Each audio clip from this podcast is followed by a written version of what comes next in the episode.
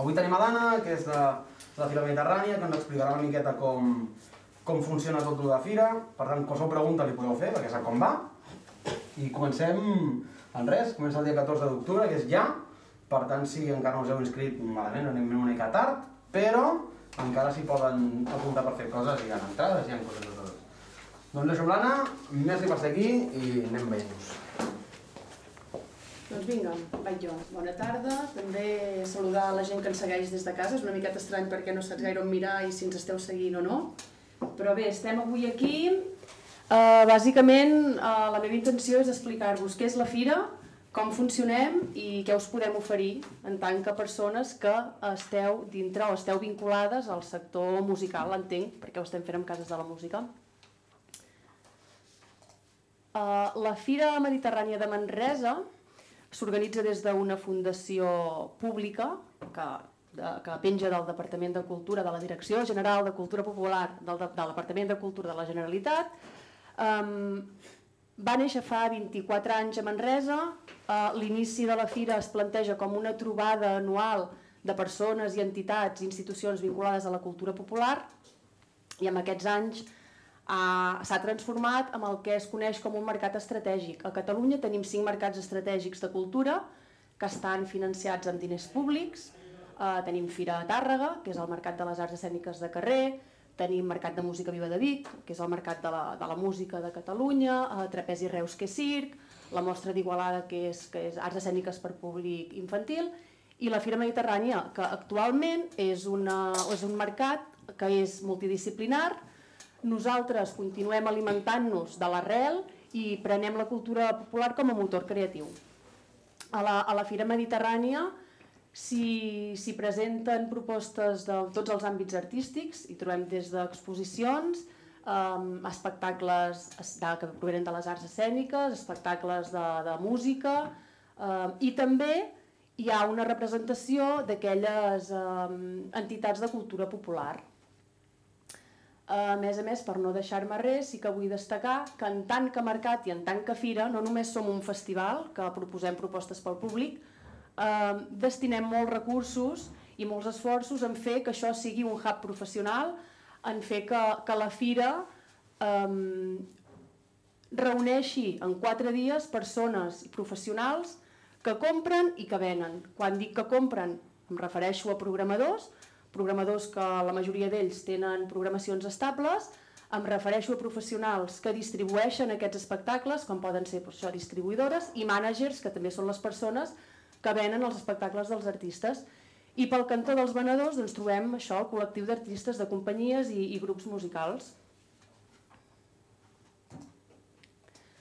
Bé, això ja, ja us ho he dit. Um, tenim tres grans itineraris uh, artístics, la música, concretament músiques del món i folk, eh, la gent de vegades s'espanta una miqueta quan acotem en músiques del món i folk, però realment vosaltres que, que sabeu més o menys de què parlo sabreu que, que és un ventall molt ampli. Les arts escèniques, que hi ha espectacles dansa, teatre, circ, etc. I allò és el que us deia de la cultura popular. Um, la Fira treballa anualment, ara estem en un moment complicat, des del 2020, Treballem amb unes 100 companyies artístiques, som el mercat artístic que té més programació i això és un volum d'artistes en 4 dies, ja que passen una ciutat mitjana com Manresa, important. Um, volia començar la presentació també explicant-vos um, algo que crec que us pot interessar molt i que la direcció artística de la Fira ha impulsat des d'aquest 2020. Bueno, va començar a idear-se el 2020 i aquest 2021 s'ha fet real. L'Obrador d'Arrel eh, és un programa que acompanya i, i dona suport als artistes. Eh, poden incloure's en aquest programa artistes superconsolidats i artistes que comencen, simplement el, el fil de, de la creació ha de tenir l'arrel com, a, com a camí eh, el, el, la, el sentit de l'obrador és que compta amb, amb moltes entitats que fan xarxa perquè els espectacles i els artistes que donem suport tinguin una xarxa i un circuit estable, és a dir, que no una producció que sol passar de vegades, una producció es quedi a la fira, sinó que aquesta, des del moment del que es pensa, que s'idea i que es posa en escena o, a l'escenari, tingui una continuïtat. Llavors us volia, us volia destacar que aquest any tenim 23 entitats, empreses, institucions que formen aquesta coproducció i un total de 20 artistes que acompanyem. Per destacar-ho, l'any passat a l'escenari de Cases de la Música, que després ja us explicaré això, el Momi Maiga, que tenia, tenia un espai per actuar a les Cases de la Música, l'escenari de Cases de la Música, aquest any forma part de l'obrador d'arrel. I res, us poso el vídeo que l'avançaré perquè dura 5 minuts i tampoc cal. Buenos días desde las cabañas. Esto es maravilloso. La naturaleza, las viñas.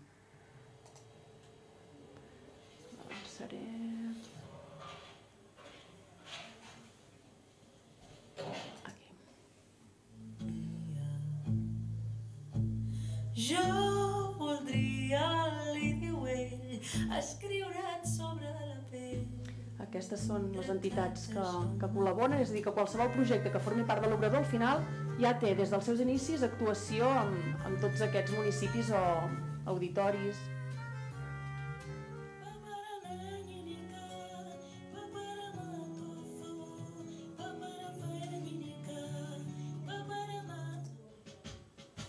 Al final això, una institució com la Fira s'ha d'acompanyar d'altres projectes artístics perquè si no, no, no té sentit i no és, no és rendible ni viable pels artistes ni per, ni per la Fira. Bé, simplement un exemple, aquí podríem anar veient tots els artistes que en formen part,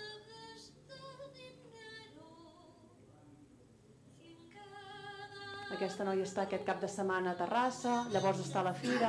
Aquest és el que us deia, que l'any passat va estar a escenari Cases de la Música, la direcció artística va considerar que necessitava una, empert per, una, una empenta per impulsar el seu projecte artístic. Hi ha projectes no només escènics, hi ha molts projectes musicals. Aquest projecte és de dansa. Per exemple, aquest projecte fa 3 anys que la Fira ajuda a que sigui possible. Va començar el 2019 i el 2021, el 2021 estrena. Aquest també és un projecte que l'any passat vam començar a acompanyar. Al final, quan, quan dic acompanyar, no vull dir que el programem i ja està. Vull dir, la Fira també facilita espais, centres de, de residència, perquè les companyies puguin anar a desenvolupar-se com a les seves creacions.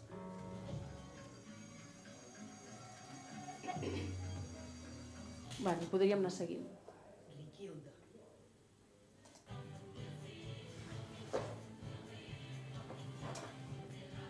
Aviam si m'hi. Això ja ho trec.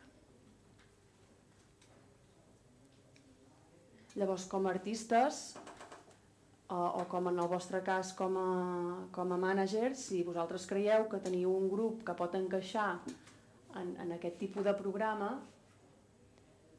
tot serà benvingut. Vale. La fira, per una banda, um, potser que us expliqui com funcionem a nivell d'equip i així entendreu també les àrees que, que toquem.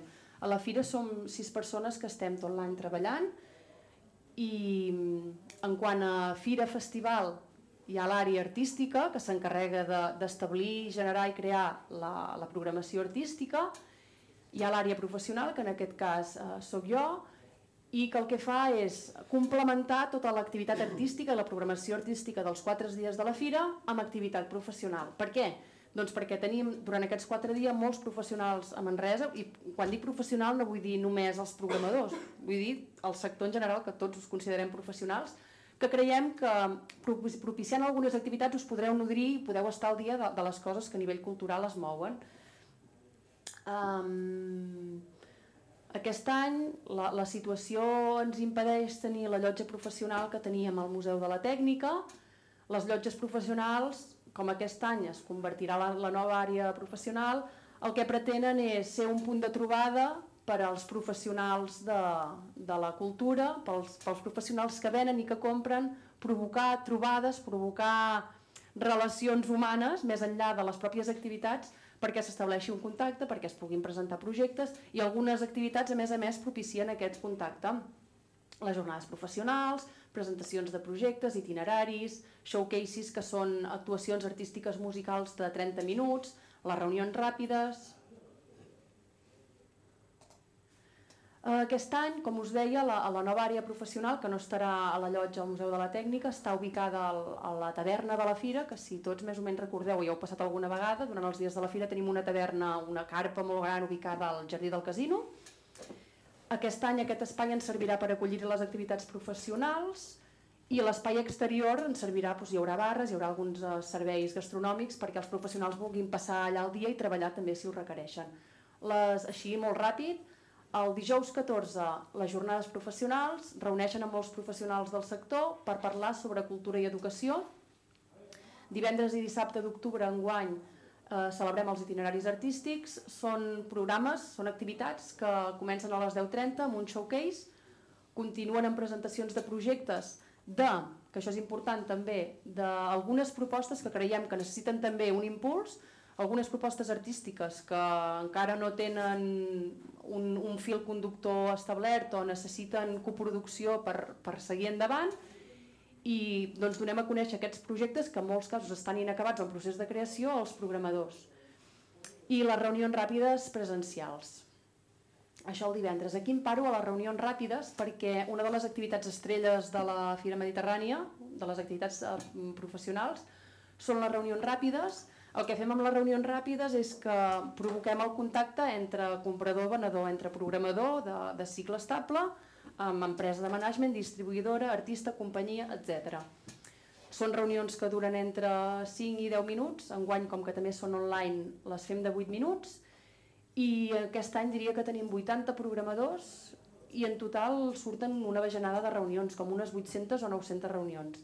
Les reunions ràpides online les comencem la setmana que ve, les fem via Zoom i agrupem 4 o 5 programadors i els artistes van, van passant a presentar el seu projecte. Això, evidentment, no lliga cap programador a comprar cap projecte, però sí que és una manera de que t'escoltin, de que els expliques el teu projecte i et tenen, et tenen anotat. I les reunions ràpides presencials, que el divendres i dissabte es fan a in situ a la taverna. N'hem pogut fer poquetes perquè la situació actual no ens permetia juntar molta gent al mateix espai.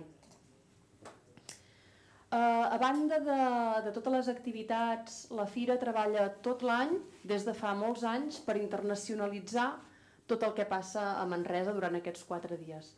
Um, la Fira, en quant que potència les creacions que veuen de l'arrel i la cultura popular, també treballa perquè totes aquestes creacions i artistes que podeu treballar en aquest àmbit tingueu una sortida a l'estranger, una sortida internacional.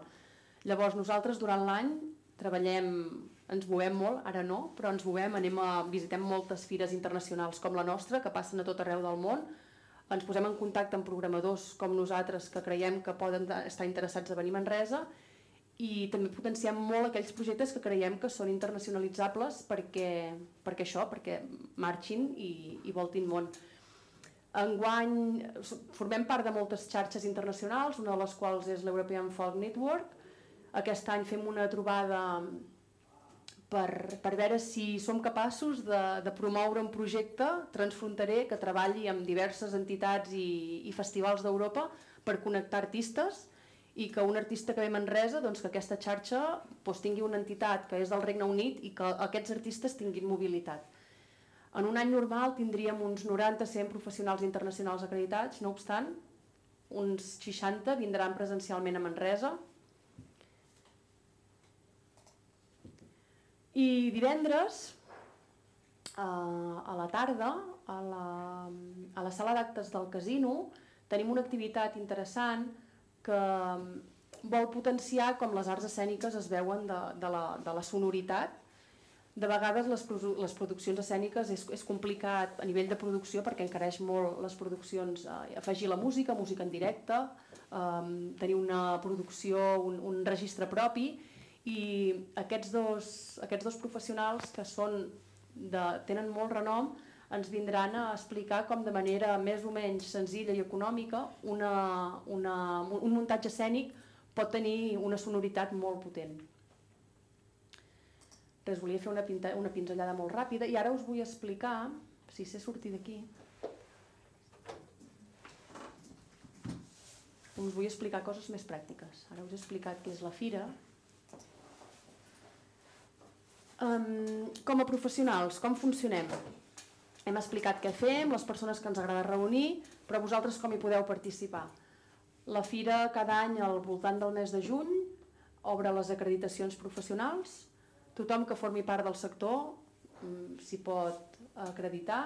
No estem parlant de professionals consolidats ni de persones que comencen, vull dir, estem parlant de persones que els interessa el sector, que necessiten contactar amb altres persones i la, la Fira és una plataforma que posa a la vostra disposició doncs, tot el que us he explicat. Us podeu acreditar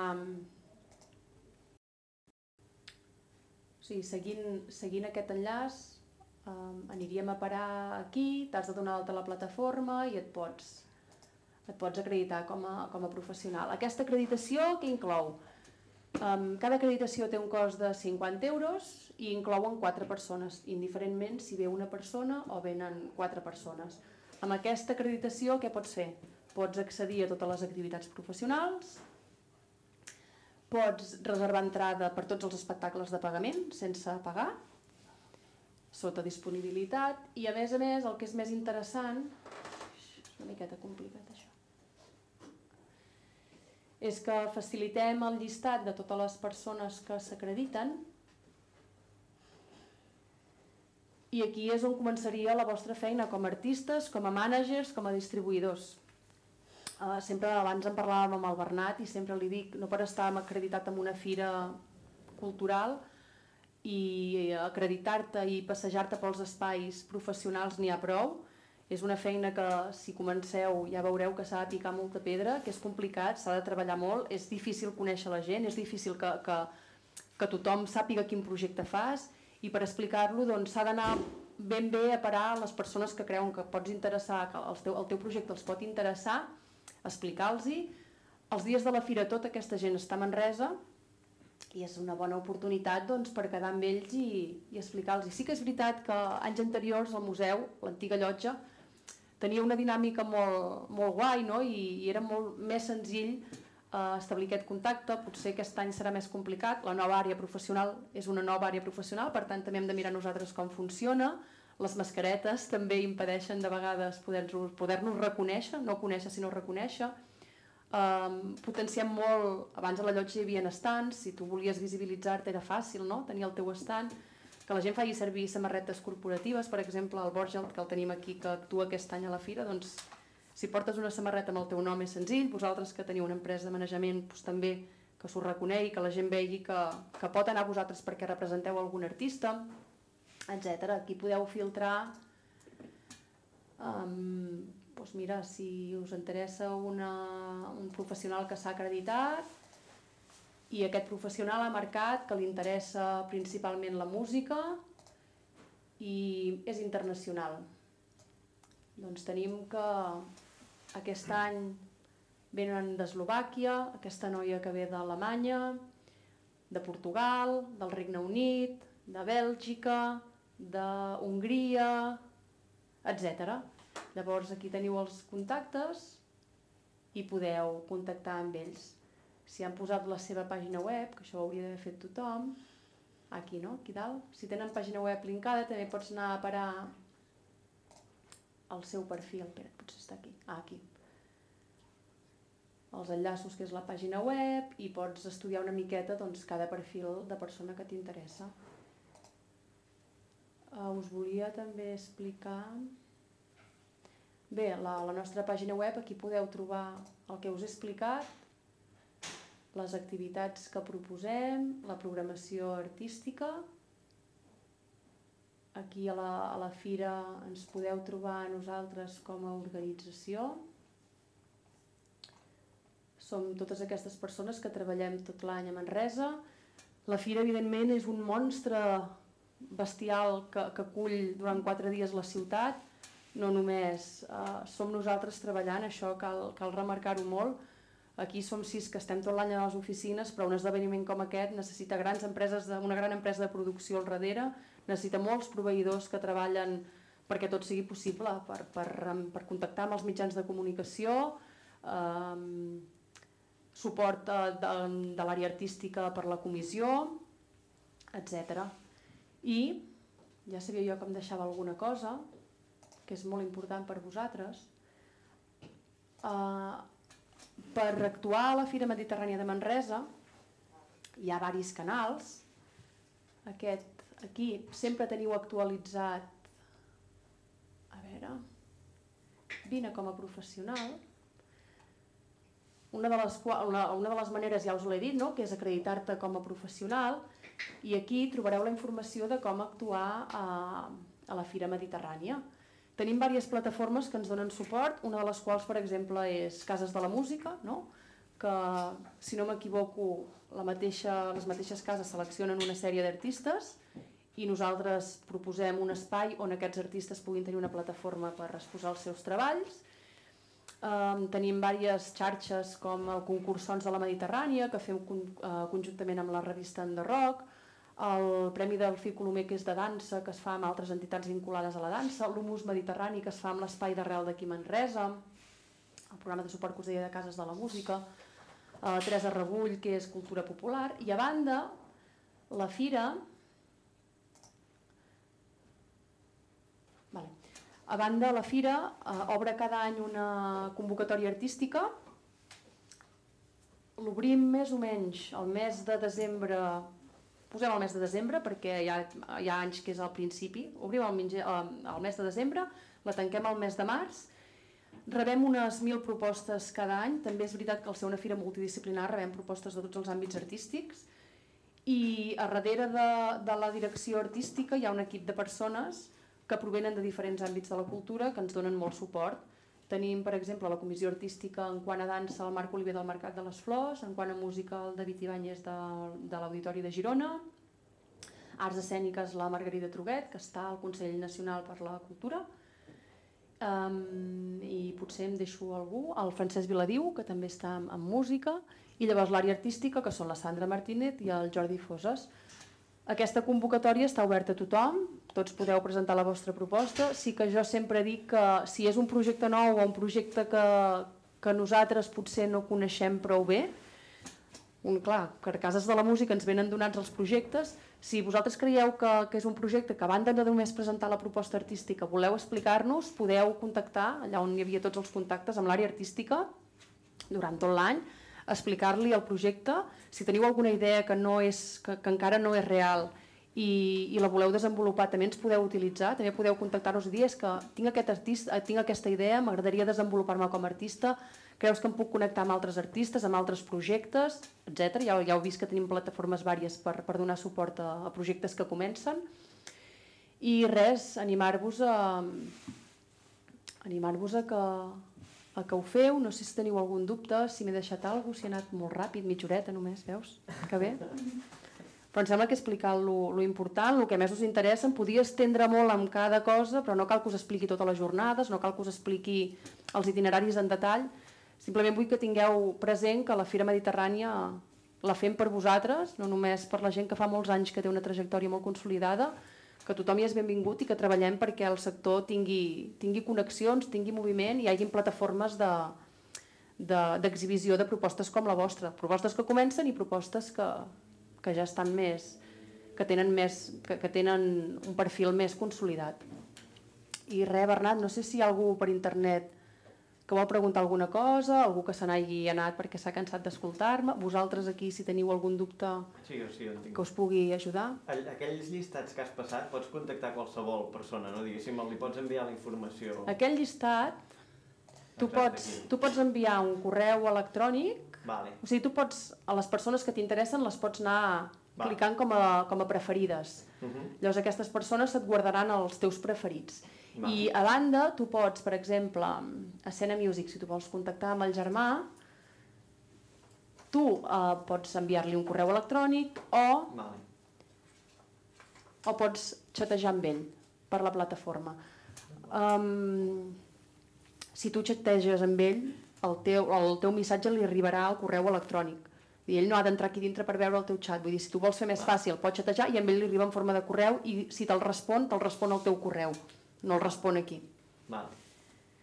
Uh, moltes, moltes companyies i empreses, sobretot de manejament o booking, ens demanen si podem facilitar aquest llistat, que potser és una pregunta que, que la gent em voldria fer, però mm, no ho podem fer perquè la protecció de dades és estricta des de fa uns anys, Llavors, jo amb tu, en tant que tu jo sé que actues i que estàs acreditat, m'has cedit els teus drets de les teves dades, jo et puc facilitar el contacte de tu, el, el llistat, però jo no sé quin ús en faràs tu. Llavors, l'ús aquest a tercers, nosaltres no ens arrisquem a, a facilitar llistats perquè aquests llistats poden anar a parar a mans d'un altre que jo no tinc signat el seu consentiment.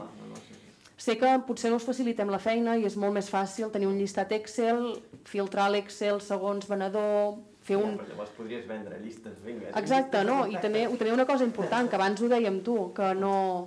Tots rebem molts correus electrònics, Ah. tothom té molta feina, tothom té clar què vol programar o què no, o quin tipus de projecte li, li encaixa o no. Creiem que la, la feina és vostra de mirar, um, no sé, per exemple, eh, uh, professionals d'arts escèniques, um, el centre cívic Can Clarià, ostres, els centres cívics. Mm, Doncs els centres cívics són un, un potencial que actualment s'està explotant bastant a la ciutat de Barcelona perquè són espais que tenen recursos, que tenen una plataforma estable i per companyies o per grups musicals petitons que comencen o que no tenen catxets molt elevat, és un lloc ideal. Vaig a mirar si el centre cívic Can Clariana programen més música, arts escèniques... És important mm, no enviar correus electrònics a tots els programadors hola, soc tal, faig això, no. Dirigeix-te a les persones, dirigeix-te a la Marta, o la Marta, eh, m'he mirat el perfil de programació del centre cívic, crec que podria encaixar amb la meva proposta artística, estaré aquests dies a Manresa, si em vols venir a veure, eh, toco tal dia, tal hora, si no et puc passar material si t'interessa. O sigui, és una feina de formigueta, però jo, personalment, fa, no sé si fa 8 anys que estic a la fira i crec que té la seva recompensa. Adreçar-te a la gent personalment i que els programadors veguin que, que has fet la feina per, perquè ells prèviament ja saben si, si tu has fet el filtratge i saps que el projecte pot anar per allà o no. Clar. És això, vull dir, de correus en rebem molts. I sé que és una feinada heavy, eh? però penso que, que té la seva recompensa. Bueno, si investigues de seguida els enllaços que pengen ells als webs, ja veus què programen i què no. Sí, No aniràs enviant coses absurdament. no, però els llistats sí que faciliten això. Clar. Els llistats fas un copiar todos, còpia oculta i envio el que faig. Però, bueno, el poder, el poder filtrar tot això està bé. Sí. I no sé si m'he deixat alguna cosa, em sap greu, però crec que, que us pot ser útil el que us he explicat. Sé que vosaltres esteu acreditades, comenceu ara, Sí, és el primer any que, que vindrem. Sí, sí. bueno, bé, molt bé. Espero que us funcioni. Nosaltres estem els dies de la fira, ja m'heu posat cara, anirem mascareta, però bueno, la mirada és la que és. Em podeu buscar per l'espai professional, si, si m'expliqueu el vostre projecte, el, el perfil, no sé si ja representeu alguns artistes, um, us puc ajudar. A vegades la gent també preguntem poc.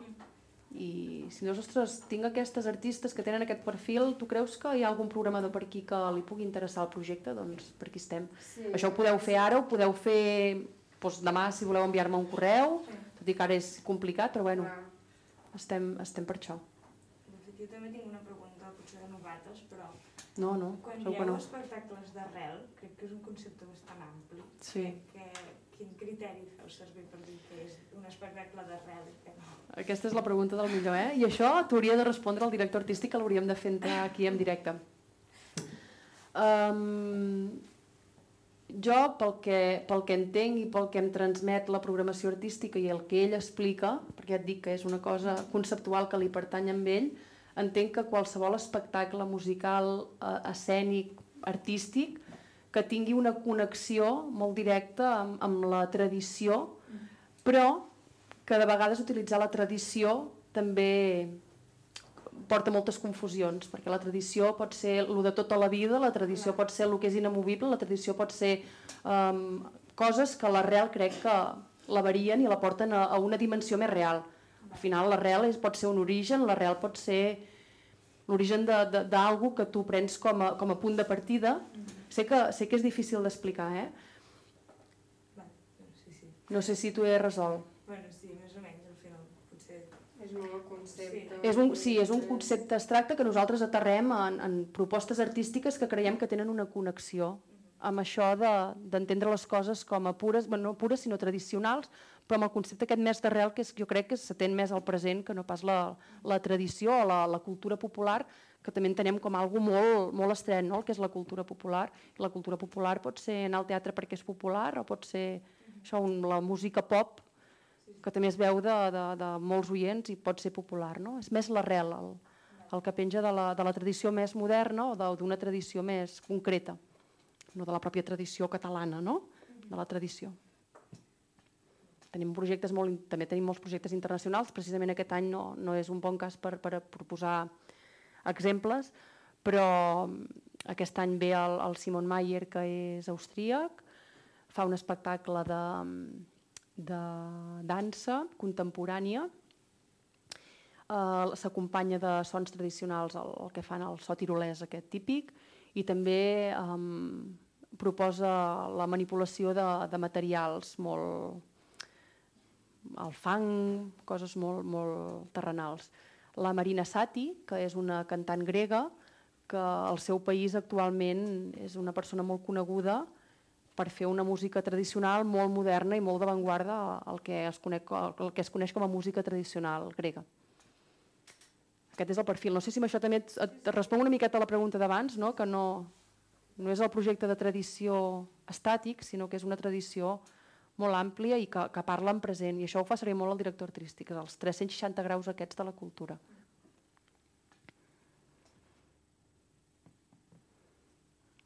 A mi em fa una mica... O sigui, no, no m'acaba de quedar clar com el tema de les entitats um, Fira Mediterrània i Cases de la Música, com què correspon aquí i qui, perquè o sigui, a Cases de la Música n'hi ha com quatre o cinc, Mhm. no? I la Cases de la Música de Manresa és un dels organitzadors de Fira Mediterrània. No, simplement és una entitat que col·labora amb un escenari específic. Ah, no Molts- és només en un escenari? Exacte, sí, tenim col·laboracions vàries des de fa molts anys i com que ells també coneixen la nostra programació i el perfil de, de, de, de propostes que encaixen amb la fira, cada any hi ha una ben entesa amb, amb propostes que ens encaixen per dues bandes. I en aquest cas de, de Fira Mediterrània, com- Bernat, eh, corregeix-me si m'equivoco, treballem amb Cases de la Música de Catalunya, que és un projecte que, que treballa en xarxa amb altres cases de la música, com la de Manresa, per tot Catalunya. Quantes, quantes cases sou? Cinc, sis? Sis Ah, cases. sí, vale. Vale, Llavors, no, va. perquè com que has dit el fet aquest de l'acompanyament amb alguns projectes i tal, Mhm. i això també és com una cosa de, de cases de la música ho fan, no? I Sí, Llavors, sí, sí. Mm, no sabia fins a quin punt és com el mateix o, o tu pot ser que acabis com formant part d'aquest acompanyament de cases de la música i No, jo crec que són, són vies que, que paral·lelament tenen el mateix camí, poden acabar en un mateix punt convergent, però nosaltres com a Fira treballem en propostes artístiques que ens arriben a nosaltres pel nostre canal de presentació, Cases de la Música té les seves propostes que creu que poden encaixar a la Fira, Cases de la Música fa l'acompanyament als artistes per actuar a la Fira i nosaltres també ens sumem a aquest acompanyament, perquè al final l'organització i l'esdeveniment és el mateix. Ho he explicat bé, Bernat?